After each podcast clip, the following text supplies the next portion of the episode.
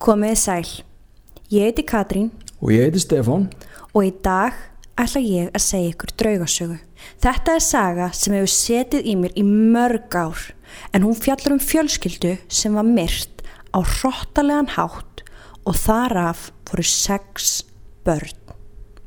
Meirinn hundra ár eru liðin frá því að þetta gerðist og þrátt fyrir marga grunnsamlega aðila, tvö réttarhöld og meira segja játningu hefur morðingin enn ekki verið fundin. Í húsinu sem morði var framið í hafa til dagsins í dag heyrst barnarattir, hótanir, hurðaskellir og fótatök en húsið stendur gal tómt. Einhver hlýtur að vera aðna enn og þó við sjáum þau ekki vilja þau ekkert heitar en að við hlustum á þeirra hlið sögunar. Því þau höfðu rattir. Rattir sem voru teknar frá þeim af ókunnugum aðila um miðja nótt. Þetta er sagan af The Villisca X Murder House.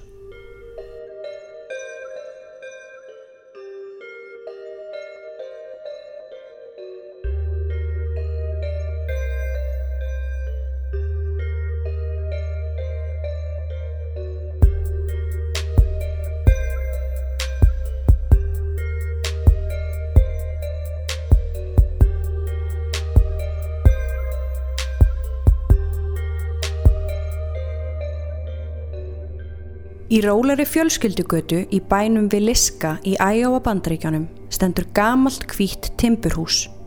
Fyrir ofan götuna eru nokkrar litlar kirkjur og nokkrum metrum frá er stór almenningsgarður sem snýr að skólalóð.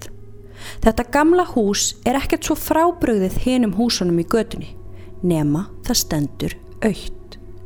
Engin ljós er í glöggum og þegar betur er aðgáð má sjá að dyrnar eru þéttlæstar með áberandi lás. En þetta hús var ekki alltaf svona þungt og drungalegt. Þvert á móti þá yðaði það af lífi. Eitt sumar kvöld í júni árið 1912 snýri morfjölskyldan heim eftir kirkjusamkomu. Foreldrarnir Joe og Sara á samt börnum sínum fjórum. Herman sem var elstur 11 ára gamall, Catherine 10 ára, Boyd 7 ára og svo yngsti Paul sem var 5 ára. En þetta tiltegna kvöld hafði dóttir þeirra Catherine fengið leifi til þess að bjóða tveimur vinkonum með sér heim eftir messu, Lenu og Ínu til að gista hjá sér. En þær bygguð þarna rétt hjá og það var ekkert óeðlegt við það að halda slípófur á þessum tíma. Þetta kvöld var í raunin ekkert ólíkt öðrum kvöldum hjá fjölskyldunni. Börnin leku sér um húsið, sex börn og þið geti ímyndað ykkur bara fjörið í kringum það en á meðan börnin leku sér græjaði Sara kvöldmatt fyrir fjölskylduna og síðan var öllum smalað í ból. Mór sískinum fjögur sváðu saman í einu herbergi á efrihæðinni, hliðin á hjónaherberginu og nætur gestinir þar Lena og Ína sváðu í gestaherberginu á neðrihæðinni. Húsið var orðið hljótt um 10-11 leitið. Stuttu eftir miðnætti er tekið í hurðarhúnina utan og innlæðist ókunnugu maður. Það er að vísu tvær sögur um það hvernig maðurinn komst inn í hús morfjölskyldunar. Einn þeirra segir að hann hafi gengið beintinum útidyrnar sem voru ólæstar sem var vist ekkert svo óeðlegt í þessu öruga hverfi. Önnur sagan segir að það hafi fundist sannanir fyrir því að maðurinn hafi raun og veru falið sig upp á háalofti allan tíman og fylst með fjölskyldunni í gegnum lítið gat á gólfinu. En núna gerum við ráð fyrir því að hann hafi komið inn um dyrnar vegna þess að við rauninni vitum ekki fyrir víst hvernig maðurinn komst inn. Það næsta sem þessi ókunni maður gerir er að grípa lítinn óljulampa og einhvern hátt fiksaðan lampan þannig að ljósið væri sem allra minnst. Hann byrjar að ganga um húsið haldandi á exi í vinstri hendinni og lampanum í þeirri hægri. Hann fer fram hjá gestaherbygginu á neðri hæðinni þar sem Lena og Ína sváfu og fer þessi stað strax upp stegan. Svolítið eins og hann hafi þekkt húsið eða vita nákvæmlega hvar hann ætti að byrja. Stíin er þröngur og freka langur en við enda stegans á efrihæðinni blasir við hjónarum. Maðurinn gengur vinstra megin við rúmið þar sem Joe sefur með söru sér við hlið. Hann leggur frá sér óljulampan, snýr öksinni við þannig að bakliðin á öksinni vísar að Joe en beitti endin að vegnum. Hann reysir öksina svo hátt yfir höfu sér að öksin rekst í veggin fyrir aftanan og síðan heggur hann beint í hnakkan á honum, brítur á honum hauskúpuna og mjög líklega drefur hann strax með þessu eina höggi. Um leið og hann hýfur öksina upp í annað skipti snýr hann öksinni við þannig að beitti endin snýr núna fram og heggur í höfuð söru. En því er haldið fram að þessi tvö högg hafi gerst svo hratt að Sara hafi aldrei vaknað. Hann læðist svo inn í herbyggið við hliðina þar sem börnin þeirra fjögur eru enn í fasta svefni. Hann reysir öksina og heggur í þau öll fjögur á meðan þau sofa. Aftur er því haldið fram að atviki hafi gerst það hratt að börnin hafi ekki vaknað nýja áttað sig á aðstæðum. Það heyrðust engin hljóð frá þeim. Það ríkti dauða þögn á efrihæðinni þar sem þessi sexmanna fjölskylda lág í blóði sínu. Næst læðist hann niður stegan og fer inn í gestaherbyggið sem er í dag oft kallað bláaherbyggið. Þar lágu sofandi stelpurna tvær sem fengi að gista þessa tilteknu nótt. Hann drefur Ínu fyrst þar sem hún likur sofandi á sama hátt og hann draf hina en samkvæmt rannsóknalauruglu og réttameinafræðingi sem skoðuðu líkin setna meir halda þeir því fram að Lena hafi vaknað við það þegar sýstrina var drefin og risið aðeins upp úr rúminu áður en hún hlaut sömu örlög. Þetta er rosalega þungt og erfitt að hlusta á en samt sem áður finnst mjög mikilvægt að fólk viti að öll fjölskyldan kannski að undanskildri lenu dó í svefni. Þau fóru að sofa og vöknuðu aldrei aftur. Og það eru auðvitað til fjöldin allur á kenningum um það hvað gerist þegar fólk deyr svona snöglega. Það hafa verið kenningar um það að þegar að fólk deyr snöglega, svo sem í svefni eða slesi, þá átti það sig ekki alveg fyllilega á því sem er að gerast. Sem gæti mögulega útskýrt draugagangin í húsinu. Mögulega geraðu sér ekki grein fyrir því að þau séu látin. Svo mörgum hljóðupptökum hefur verið náð af barnaröttum og næsta sem við ætlum að leiða ykkur að heyra er upptaka sem venjulegt fólk eins og ég og þú tók óvart upp á símansinn á meðan þau voru í skoðunaferð um húsið. Þið heyraðu upptökunni fólk labba, einhvern hósta og svo kemur rödd sem þau hafðu enga skýringu á sem segir I can make you pretty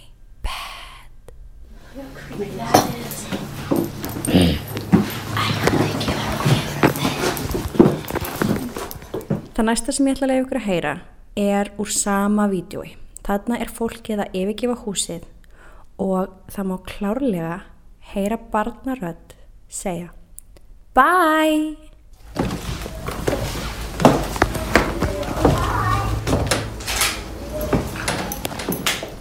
Ok, vá, ég er bara með gæsa húð ennþá. Já, ég veit það. Þetta er ótrúlegt. Það heyri svo skýrt þannig að bye og mér finnst þetta svo creepy og líka ná fyrstu setningunni alveg, maður heyrir orð fyrir orð virkilega skýrst I can make you a pretty bed Já wow. Við setjum þetta inn á heimasíðan okkar draugasögur.com þar getið horst á allt myndbandi það er 13 mínútur uh, ef þið hafa áhuga á að dembi ykkur alveg í málið eins og við steppu gerum Ég myndi skoða þetta bara í kveldi sko. Það sem gerist næst er það sérkennilegasta af öllu. Hann gengur aftur upp stegan og í sömu röð og hann draf þau byrjar hann að höggva í höfuðið á þeim eitt í einu þar til þau voru algjörlega óþekkanleg. En þess má geta að eftir að lík fjölskyldunar voru rannsökuð má áætla að hvert þeirra hafi fengið í kringum 30 högg í andlit og höfuð. 30 högg á 8 manns, það er í kringum 240 högg. Það er ekkert lítið, þetta, þetta er ekki eins og niður morð, þetta er slátrun. Þetta er slátrun. Þetta er aftaka. En hann er ekki búinn. Eftir þetta fer hann um húsið og helur andlit á þeim öllum með einhvers konar efni. Foreldrarnir voru hulinn með sængurfötum og börnin með fötum. Því næst hilur hann alla spegla í húsinu og alla glugga með rúmfötum og hangklæðum. Hann hilur allt gler sem hann mögulega gat séð speilmynd sína í. Því er haldið fram að þetta hafi verið gert í einhvers konar trúalegum tilgangi. Að hann hafi innst inni vitað að hann hafi syndgað og gati ekki hort á speilmynd sína. Eftir morðin virðist hann hafa verið áfram í húsinu í nokkuð tíma. Hann tók óeldað beikon út úr ískapnum, vafði því hangklæði og lagði á gólfið. Og við hliðin á skildan eftir liklakippu og setna meir þrátt fyrir mikla rannsóknarvinnu var ekki fundið út að hverju þessir liklar gengu. Því næst fyllt hann skál af vatni og hreinsaði blóðið af höndunum á sér. Um klukkan 5 þessa nótt er því haldið fram að hann hafi skilið lampan eftir, efst í steganum og yfirgefið húsið. Það virðist vera að morðingin hafi tekið húslikla morfjölskyldunar vegna þess að hann læsir hurðinni á eftir sér áður en hann hverfur út í myrkrið. Býtu við, þannig að hann tekur einu húsleiklana, Já, læsir á eftir sér hurðina eftir að hafa framið þetta voðaverk já, og hann í rauninni tefur fyrir því að líkin verða uppgötuð. já, vegna þess að hann læsir hurðin á eftir sér sem gerir það erfiðara fyrir fólk að komast inn. En það sem mér finnst hann bara svo erfitt að átta mig á er af hverju hilur hann andlit þeirra, alla spekla og alla glugga. Hann skamma sín, hann, hann vill ekki horfast í augu við þetta Hann sem hann hefur gert. Hann vill ekki horfast í augu við það sem hann hefur gert. Hann veit að það sem hann er búin að gera er ránt.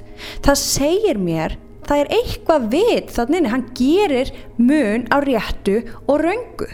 Eða hvað? Hver er útskýringin? Er þetta, er þetta ritual? Af hverju, af hverju tekur hann bacon, vefur því inn og skilur eftir á gólfinu? Það hljóma rosalega svona satanist ritual þar sem að svínum er oft fórnað Rétt. kannski er það eitthvað sama sem merki þar á milli það sem að vittir eru oft talin vera speiklar í þessum paranormal heimi ætli það sé ein af ástafanum þess sem hann hilur speiklana og gluggana því það er speilmynd líka Já, ég var endur ekki búin að hugsa um þetta akkurat þannig.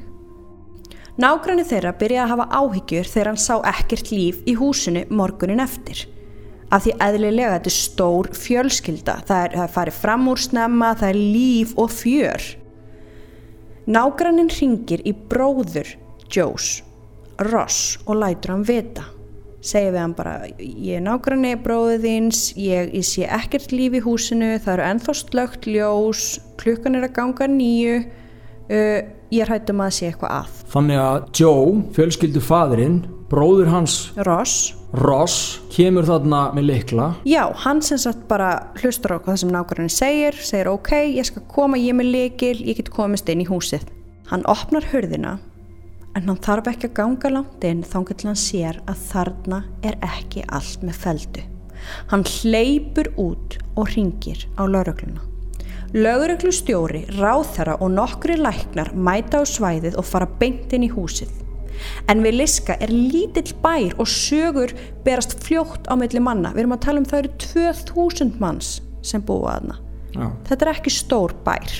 Fljótlega er í kringum 100 manns búinir að þyrpast að húsi morfjölskyldunar og býða ólm eftir frekari upplýsingum frá lauruglu. Lauruglumenn sem standa fyrir utan skipa fólkinu frá en enginn hlustaði.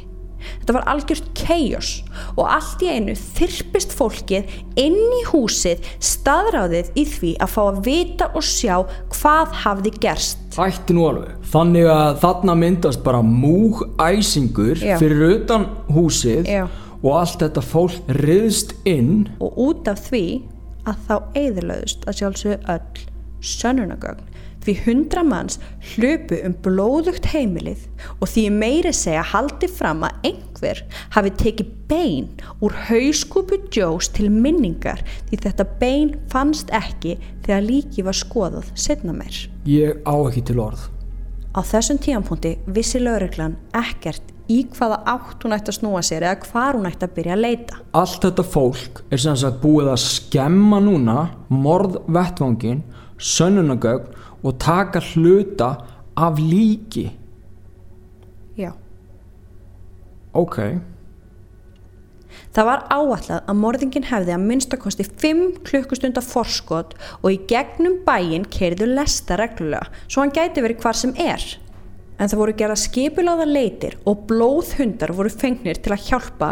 En þar sem allt fólki í bænum hafði ruðst inn í hús fjölskyldunar var búið að skemma mikið af sönunagögnum og þessar leitir skiliðu engum árangri.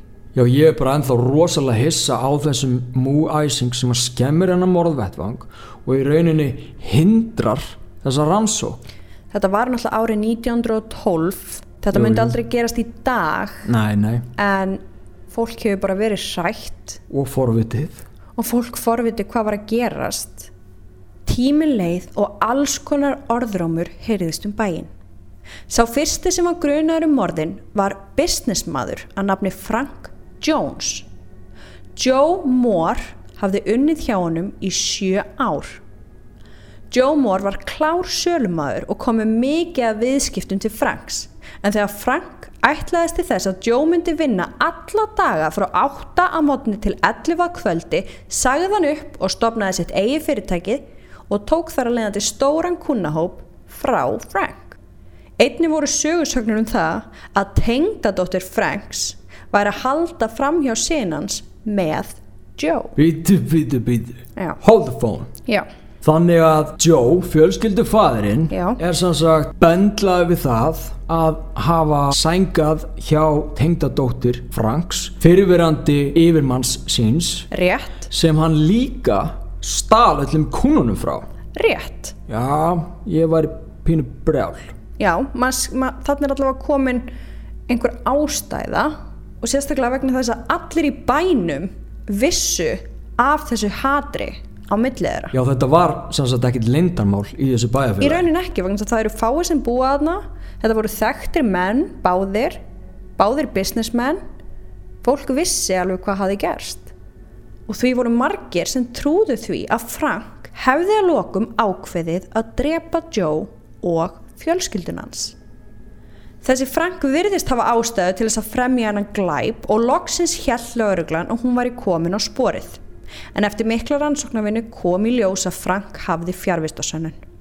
Hann hafði verið að vinna í bæ ansi langt frá Villiska þennan dag og hann var því látin laus því það voru ekki nægileg sönnunugögn á mótunum. Ok, þannig hann er af listanum. Hann er af listanum. Næst beindust augu bæjarbúa og lauruglu að öðru manni sem hétt Lynn Kelly. Hann var ennskur innflytjandi sem hafði sögu um perralega hegðun þar sem hann átti það til að liggja á gluggum bæjarbúa og tveimur dögum fyrir morðið var að meira að segja gómaður að gera nákvæmlega það. Og því var einni haldið fram að hann væri með einhverja, einhverja geðsjúkdóma. Hann er allavega ekki eins og fólk er flest. Það hljóma svolítið svo leiðis.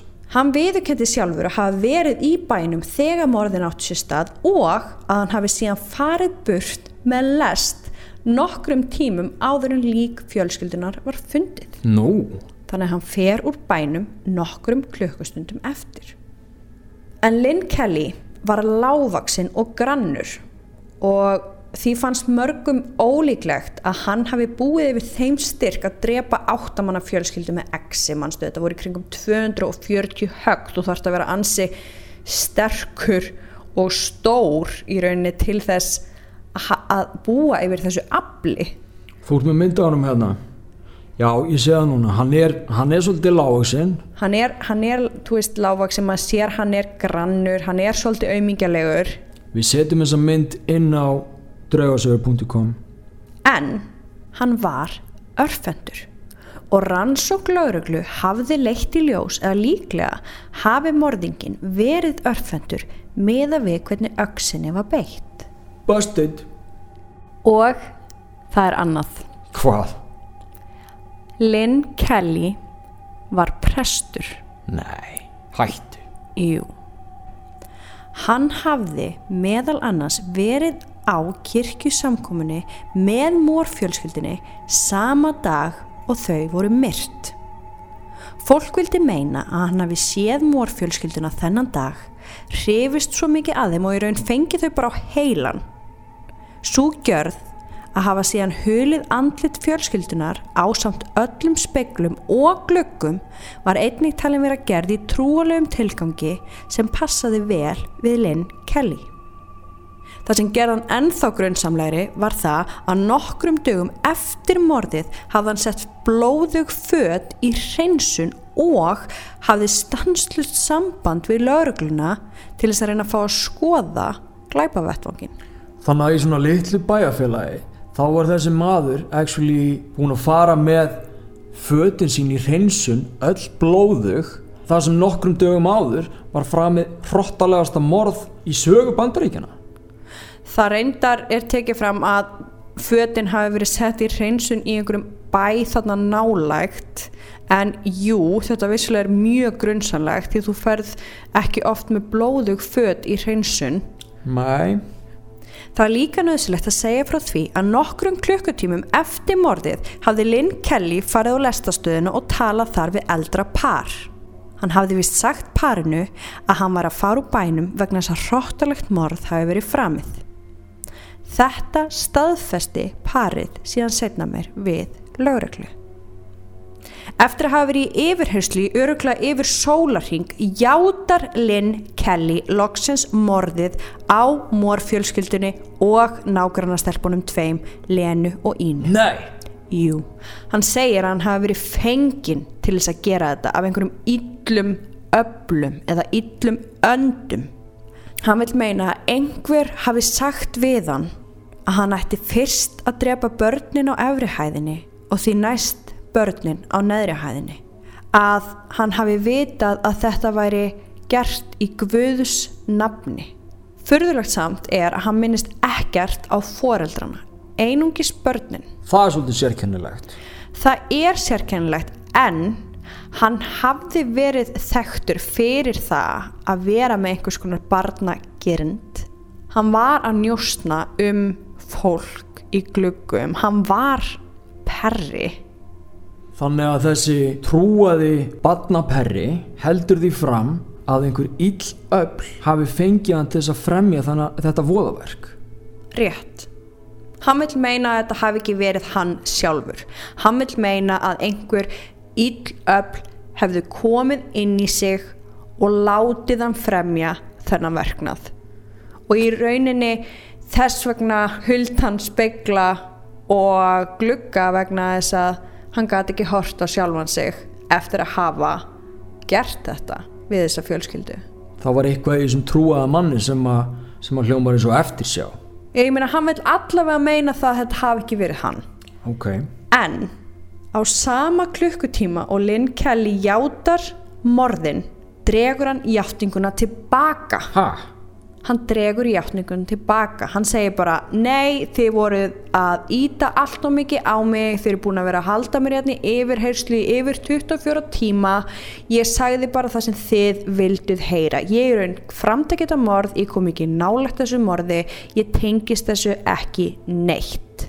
En hvað með gamla fólki sem hann sagði? það er nefnilega það.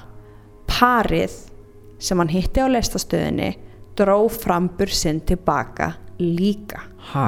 þannig í raun og veru hafði lögreglan ekkert á Lynn Kelly lengur og engin kviðdómur vildi dæma þennan mann þar sem það voru engin sönnunagögn þannig að hann var látin laus. En ok, þetta er í rauninni sagan. Þetta er sagan um það hvað gerðist í þessu húsi og þetta er óbúinlega þekkt saga. Ég meina í rauninni ef þú googlar þetta, ef þú ferð að rannsaka þetta þá getur þú séð alls konar útgáfur af þessari sögu. Þú í rauninni finnur aldrei tvær sögur eins. Nei, nei, og þetta er líka gerast fyrir þetta löngum tíma síðan. Rétt. Og sögur fara mann á milli og hún breytist og... Algjörlega, en, það, en ég vil samt sem aður halda því fram að staðrindunar eru nokkur með einu réttar menn þetta voru allavega átta manns, þetta var þessi fjölskylda sem átti þessi fjögur börn og þessar tværi nágrunna stelpur fengu að gista þessi, þetta fólk var drefið á þennan hátt En það sem ég reyndar glemdi að taka frá, fram áðan er það að öxin var skilin eftir í húsinu. Þannig að þeir voru með morðvopn. Þessi öx er ennþá til í dag, hún er á sapni í Viliska bænum. En það voru náttúrulega ekkert, það var ekkert hægt að taka fingraför eða neitt á þessum tíma þannig að Nei, nei. þessi öx í rauninni skipst ekkert miklu máli nema bara það að þarna var morðvopnið. En ok, en við förum bara aðeins út frá sögunni. Uh, þetta hús, Viliska Ax Murder House eins og það er kallað, er talið vera hróttalega haunted og er talið vera eitt reymdasta hús í bandaríkjónum. Rétt. En af hverju er þetta hús svona reynd? Þú veist, er það vegna fjölda einstaklinga sem voru myrtir þessa nótt? Er eitthvað djöfulegt sem er tengt við húsið? Var það eitthvað stærra sem að tengist morðingunum í húsinu? Er það því að ekkert af fórnarlampunum gerði sig grein fyrir því að þau voru dánað að því þetta gerði svo hratt? Var þetta síðasti staður morðingjans? Þar vil ég mitt koma svolítið inn á. Já, Vegna þess að það sem mér finnst skrítið eftir að hafa sokkið mig núna í þessa rannsóknarvinnu um þetta morð, þá komst ég að því að mjög lík morð höfðu átt hér stað í bæjum við hliðin á. En þá erum við að tala um morð á sofandi fjölskyldufólki með exi og meiri segja sama rútínan var gerð. hættu. Nú ert þú að segja mér fréttir. Ég veit nú, það. Nú ert þú að segja mér eitthvað sem ég hef ekki heyrt. Nei. og hefur ekki komið fram áður Nei, vegna þess að það er einhvern veginn bara einblínt á þetta hús og þetta morð. En á þessu sama ári og tveimur árum eftir það voru framin morð með sama hætti. Það var að reyndar alltaf kannski eitthvað aðeins öðruvísi en það var falið glugga og spegla það var notað exi og þetta var fólk sem var drepið í svefni. Af hverju hefur enginn talað um þessi morð? Vegna þess að hérna hljómar eins og við séum bara með ráðmóringja það hljóma rosalega þannig. Af því að copycats eru sjálfsög ekki til á þessum tíma. Þetta er 1912 nei, nei. þú, þú veist ekkert almennilega hvernig hinn morðingin gerði það þú getur í rauninni ekki hermt eftir. Nú ert þú að segja mér fréttir eins og ég sagði. Þetta er, eitthvað, þetta er upplýsingar sem við höfðum ekki hér áður. Nei, þetta er upplýsingar sem við vissum ekki. Rétt. En þá fer maður að hugsa það sem þetta gerist 1912 þetta er í júni þetta er sama ár og Titanic skipi sekkur. Og það var talað um það að við þessi morð Ífiliska, hvort sem það hafi verið að því að Joe var þessi prominent business maður að það hafi gjössamlega strókað út allar umfjallanir um Titanic á þessum tíma að því þetta hafi bara tekið allar fossíður það er rétt. Tengist það þá kannski hverja stjættar þú ert? Eða hvar í hvaða bæjarfélagi hvar í bænum meir þess að reyndar eftir að ég skoða þetta, ég meina það var fjallað um hinn morðin veit ég. En ég veit að þau voru ekki að taka hilsið í blaðinu. Ég meina það eru örgulega margir sem er að hlusta núna sem hafa heyrt þessa sögu um þetta morð og um þetta hús en eflust ekki um hinn nýju morðin sem voru í kring. Nei, þú ert að segja með það núna en veistu hvort að það hafi verið einhver tenging á milli? Hvort þau hafi einhver tíma náð að tengja einhver morð þarna? Nei þeir náðu ekki að tengja en ég veit að þau morð eru líka óupplýst. Nei, það var engin handtekinn vegna þeirra. Það vekur upp fleiri spurningar en svör nefnilega, sko. að því að fyrir mér er þetta serial killer það hljóma svolítið meina, mér finnst ekki mér finnst þetta ekki make a sense öðruvísi. Næ, en svo líka fekk þetta kannski aðra umfjöllin heldur en hinn málin einhverja hluta vegna Já, það sem gerist þarna 1912 eftir að morðrannsókn hafi verið opin í fimm ár og málið enn ekki leist tók fjölskylda morhjónuna þá ákverðun að taka alla innan stokksmuni sem voru eftir inn í húsinu, rúm, borð, stóla og þess aftar og brenna. Þannig að ekkert inn í húsinu í dag er original. þannig að þetta er allt sett upp bara eins og þetta var þá Allt saman. ok, Húsið var svo leikt út til fjölskyldna í gegnum árin, margar þeirra stoppuðu stutt út af draugagangi af því að fólk þóttist sjá mann með öksi á háaloftinu og taldi sig heyra barnsgrát vísveðar um húsið. Á endanum egnaðist bankin húsið og það stóð aukt í einhver tíma. Það var á dagskráni að brenna það en í staðin settu þau það á uppbóð og það var þá sem Martha Lynn og eigimæður hennar Darvin keiftu húsið og það eru þau sem eiga þetta í dag. Þau áttu sögumínasafn í bænum og fannst tilvalið að bæta þessu tóma óögulega húsi við safnið. Þau gerðu það upp þar að segja keftu húsgögnin í það og miðuði mitt við að gera það bara alveg eins og það var árið 1912 þegar mörðin voru fram. Ok, þannig að það var svona restoration bara á því sem það var. Já, en okay. veggir og gólf eru ennþá upprunaleg og það má ennþá sá far eftir auksina í vegnum í hjónaherbygginu. Það finnst mér nefnilega merkilegast. Þetta fyrsta högg sem að fer í pappan sem að farið er ennþá í vegnum rétt. Fólk allstaðar að fór að sína húsinu áhuga og hafðu samband við mörðu til að reyna að fá að gista það inni og endanum það gáðu þau eftir. Það var þekktur paranormal investigator sem fekk fyrst leifi til þess að eigða nóttan inni og orðið barst mjög fljótt út og áður en þau vissi að voru hjónin byrjuð að bjóða på túra yfir daginn og kvöldin og þann möguleika að leia húsið yfir nótt. Allir helstu sjómanstættir sem hafa eitthvað að gera með drauga eða paranormal investigation hafa rannsakað þetta hús en Martha og Darvin hafa aldrei auglist húsið eitthvað sérstaklega. Þannig það var aldrei þeirra plan að búa til einhverja peningamaskinu þarna og selja sem tourist attraction? Nei. Hæ?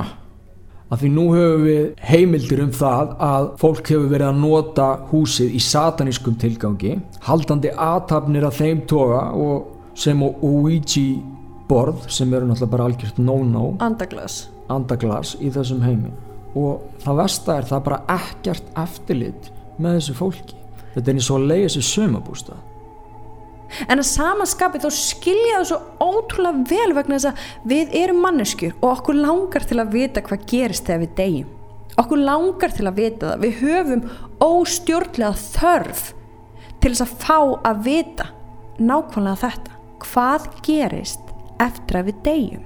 Það er svo svo fólk sem að hefur leikt sér hann aðkanga á húsinu og það sem vel er vitað að andar barnana séu þar mm -hmm. á sveimi hafa þau tekið með sér bolta sem trigger object og við þekkjum það alveg vel sem sko trigger objects að taka á með í rannsóknir á reymleikum og við hefum notað á En trigger objects eru sem sagt bara hlutir eða munir sem að voru mögulega til á þessum tíma sem er oft notaði til þess að draga út anda, til þess að svona, já, triggera þá til þess að koma og láta sjá sig eða heyra í sér.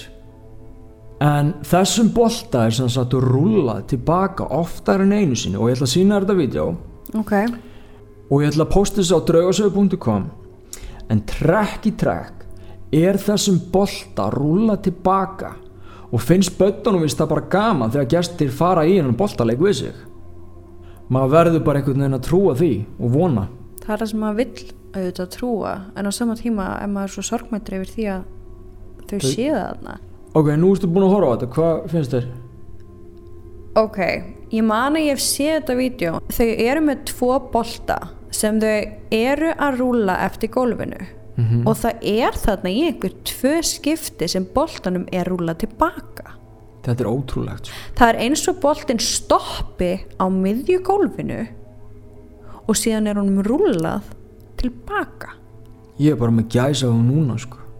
Þið verða að sjá þetta mér veist þetta skríti vegna þess að þau gerir þetta alveg nokkru sinnum og aldrei rúlar boltin tilbaka sem segir okkur það ekki er þetta gólfið gólfið er ekki á ská vegna þess að í öll hinskiptin hefðu boltanir rúla tilbaka en þau þurfa alltaf að sækja boltan og ná í hann og fara með hann aftur á hinn endan Það er merkilegt að segja þetta að því þetta sama fólk það er actually fólki sem að komi hallamál Nei. á öll í öll herbyggin á húsinu og aðtjóðaði og fundu engin frávik. Gólfið er 100% rétt. Nei, ég meina þetta er eitthvað. En svo líka hefur það oft verið þannig að yllir andar og jafnveil eitthvað djöfulegt diskæsar sig eða setur sig líki barna. Setur sig líki barna það er rétt, ég hef ekki hugsað út í þetta hérna aðeins sko. og það er mögulega þannig sem að einhver djöfuleg fyrirbæri og illir andar ná fólki á sitt vald með því að þykjast vera barn. það getur verið Það gæti nefnilega verið. því að fólki sem að ferja með þarna að rannsaka og lega sér húsi það kemur aftur og aftur og aftur Það er rétt. Og það hefur einmitt oft verið talað en það. Ég meina fólk hefur einmitt farið og skoðað svona staði og, og segir síðan ég skil ekki af hverju ég er alltaf dregin afturðanga það er eins og ég sé með húsið á heilanum. við erum líka með hann nafna minn John Worley Mm. sem að var að rannsaka húsið og hann fær hann EVP það sem er sagt just kill John Worley hlustuðu vel